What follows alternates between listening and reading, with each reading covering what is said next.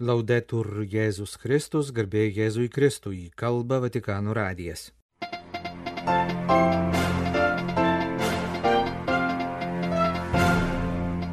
Prieš 70 metų popiežius Pranciškus, tuo metu beveik 17 metų jaunuolis Jorge Mario Bergolijo, išgyveno dvasinę patirtį, nukreipusią jau gyvenimą į kunigystę. Du viskupai iš kontinentinės Kinijos dalyvaus po dviejų savaičių prasidedančiame sinode Šventojo sosto diplomatijos vadovas New York'e dalyvavo Junktinių tautų organizacijos aukščiausiojo lygio susitikimuose. Penktadienį popiežius keliauja į Marselį, kur dalyvaus Viduržėmio jūros baseino šalių vyskupų ir pilietinės visuomenės atstovų susitikime. Ši popiežiaus kelionė sutampa su jo vizito Lietuvoje penktosiomis metinėmis. Minėdami Pranciškaus kelionės sukakti šioje laidoje kalbėsime apie per Lietuvoje popiežiaus aukotas mišes skambėjusias giesmes. 1953 m. rugsėjo 21 d. gimė popiežiaus Pranciškaus pašaukimas į kunigystę. Jorge Mario Bergoglio buvo beveik 17 metų. Prieš susitikimą su draugais vakare jis užėjo į bažnyčią ir atliko išpažinti. Ta vakar išgyventa dvasinė patirtis suteikė naują kryptį visam jo gyvenimui. Pats popiežius papasakojo, kas nutiko tą ypatingą dieną. Vykdamas į susitikimą, ėjau pro parapijos bažnyčią, kurią paprastai lankydavau. Užėjau į vidų ir, sutikęs visiškai man nepažįstamą kunigą, staiga pajutau poreikį atlikti išpažintį. Tai man buvo susitikimo patirtis. Supratau, kad kažkas manęs laukia. Nežinau, kas nutiko, neprisimenu, kodėl ten buvo tas kunigas, kurio nepažinojau, kodėl pajutau poreikį eiti iš pažinties, tačiau esu tikras, kad buvau laukiamas. Kažkas jau ilgai manęs laukė. Po išpažinties pajutau pasikeitimą, nebuvau toks pat. Išgirdau tiesiog tarsi balsą, kvietimą. Supratau, kad turiu tapti kunigu.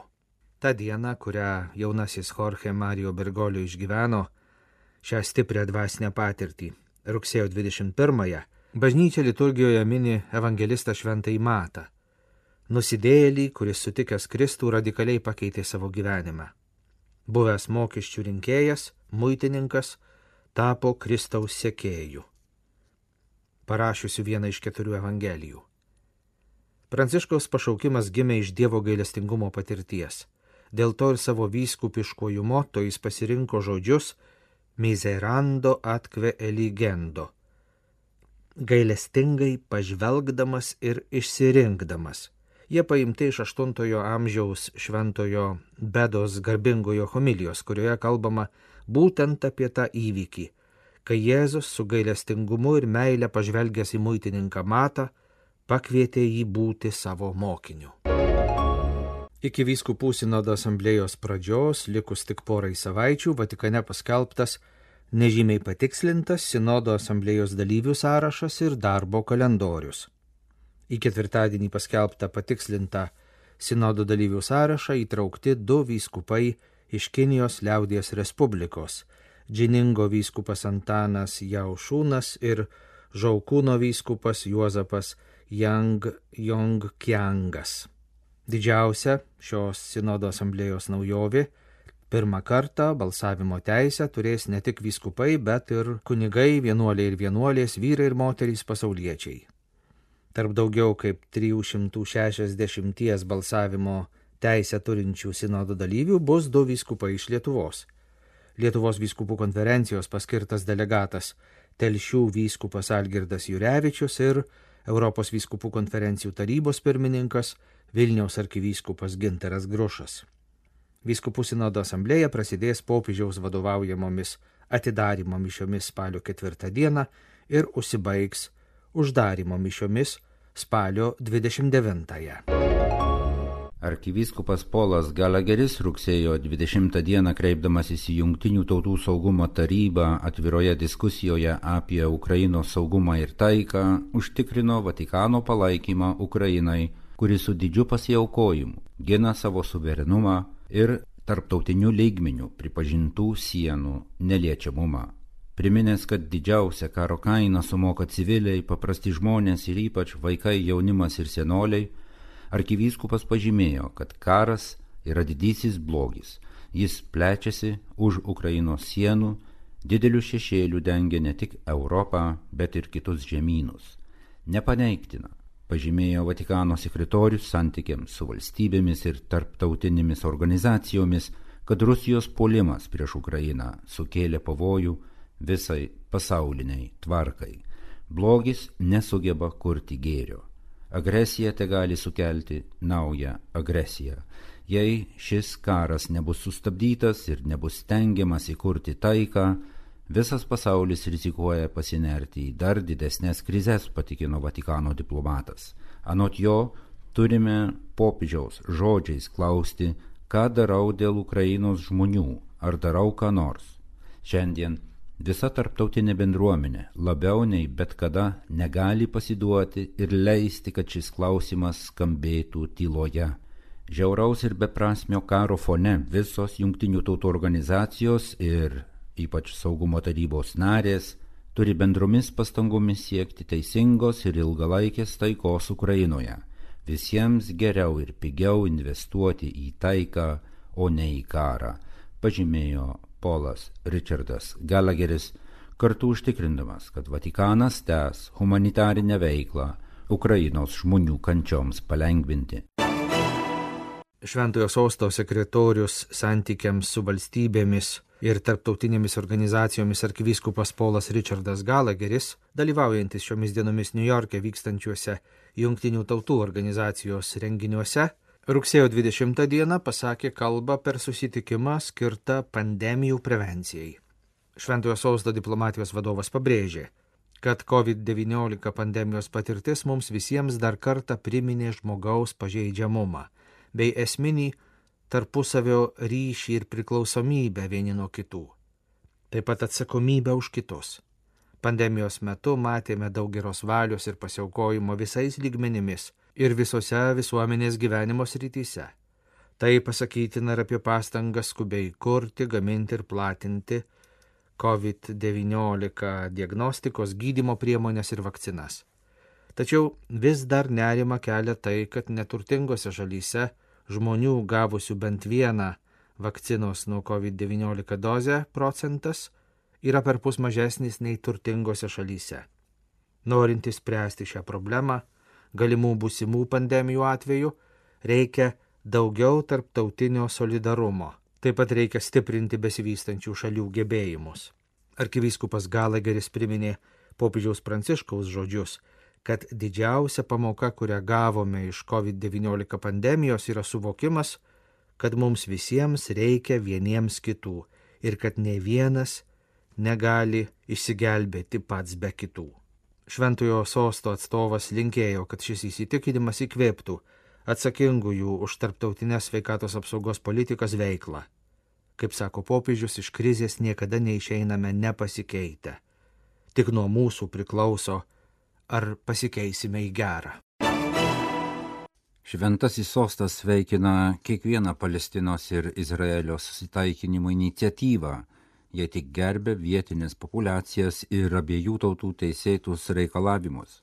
Tačiau kartu kviečia nuoširdžiai pripažinti, kad nūdienos padėtis labai netvari dėl dviejų priežasčių - vidaus politikos problemų ir vis griežtesnės ir kariškai invazinės Izraelio valstybės laikysenos.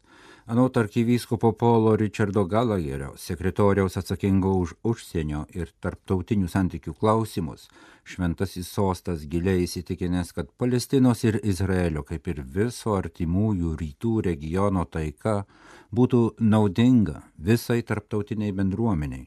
Būtent todėl Vatikanas sveikina kiekvieną, įskaitant arabų, taikos iniciatyvą arkivyskupas kalbėjo rugsėjo 18 dieną New York'e Junktinių tautų generalinės asamblėjos proga surenktame uždarame ministrų lygmens susitikime.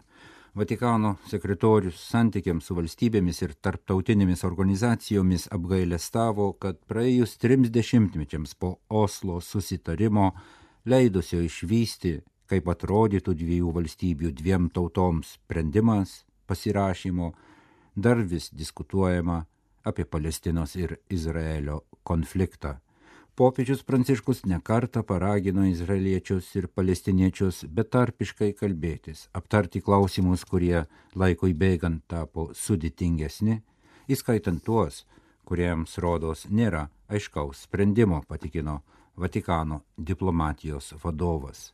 Arkivyskupas Galageris be to atkreipė dėmesį, kad Jeruzalės miesto administravimo klausimas yra svarbiausias pastoviam ir ilgalaikiam taikos sprendimui. Vatikanui Jeruzalė dėl jo svarbos krikščionims, žydams ir musulmonams yra ne prieš priešos ar pasidalymo, o susitaikymo vieta, kurioje krikščionys, žydai ir musulmonai gali pagarbiai ir geranoriškai gyventi kartu. Šventojo sosto diplomatijos vadovas paragino susitikimo dalyvius diskusijoje atkreipti dėmesį į Jeruzalę kaip į susitikimo miestą tai yra tarptautinės bendruomenės garantijomis saugomą vietą su specialiu statusu.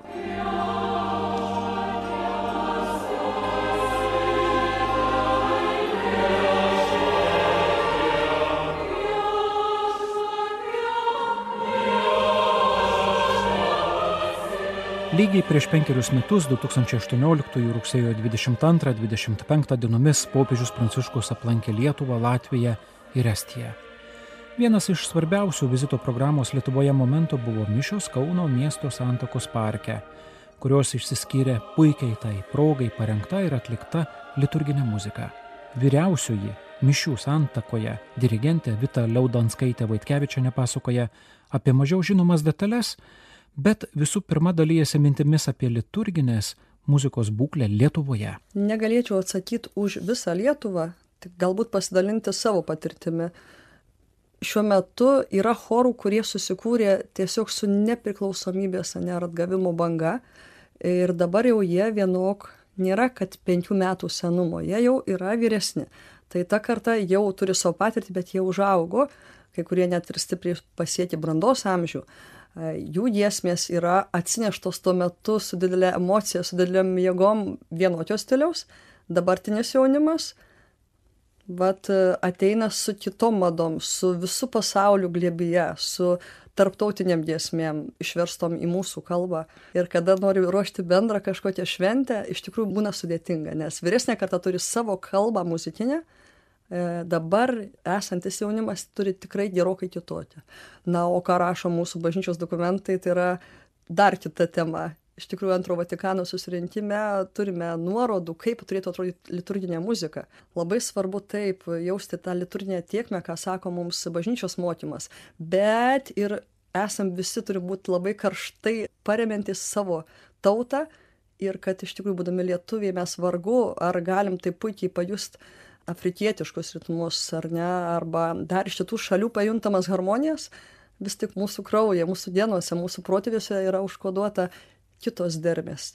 Ir kaip popiežius sakė, tai suprantamam, kad tą ir tausokim, tą naudokim, galbūt žvelgim moderniau į tai, bet jausti tautinės muzikos bazė yra labai svarbu. Ne mažiau negu kad grigališkojo choralo įtaka.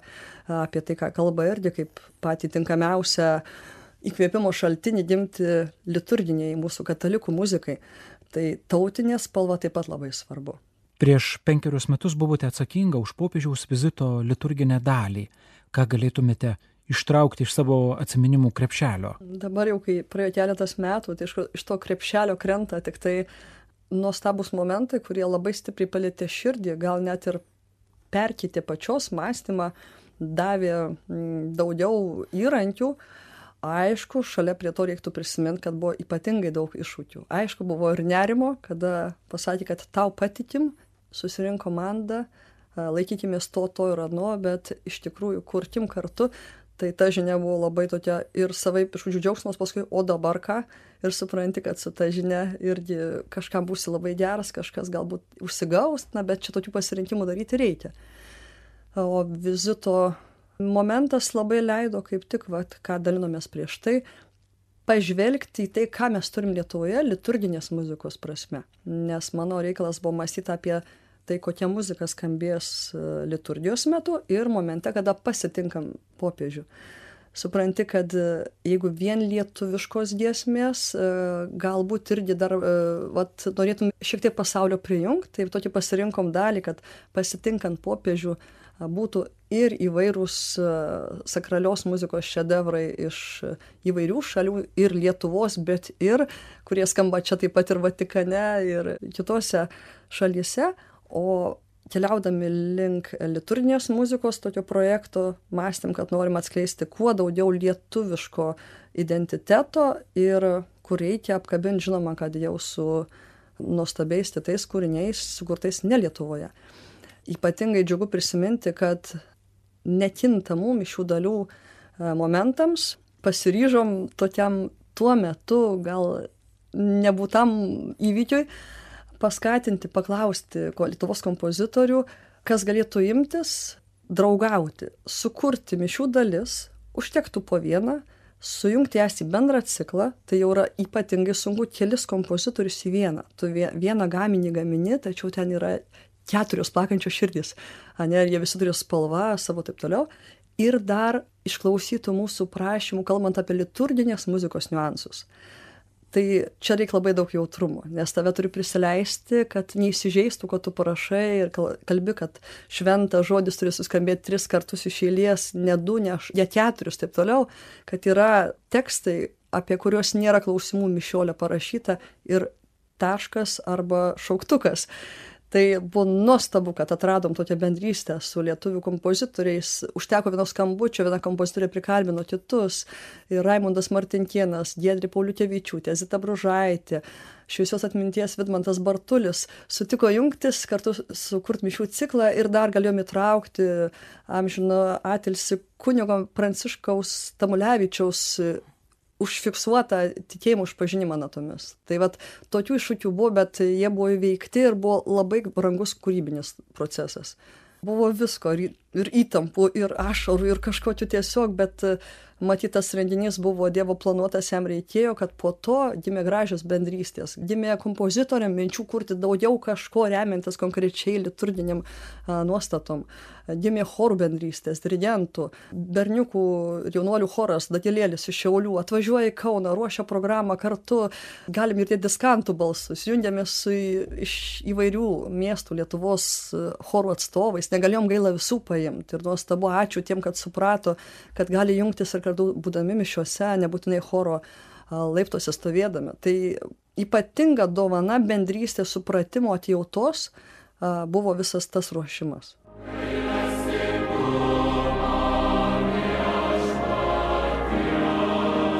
Kalba Vatikano radijas, laidą lietuvių kalba baigėme.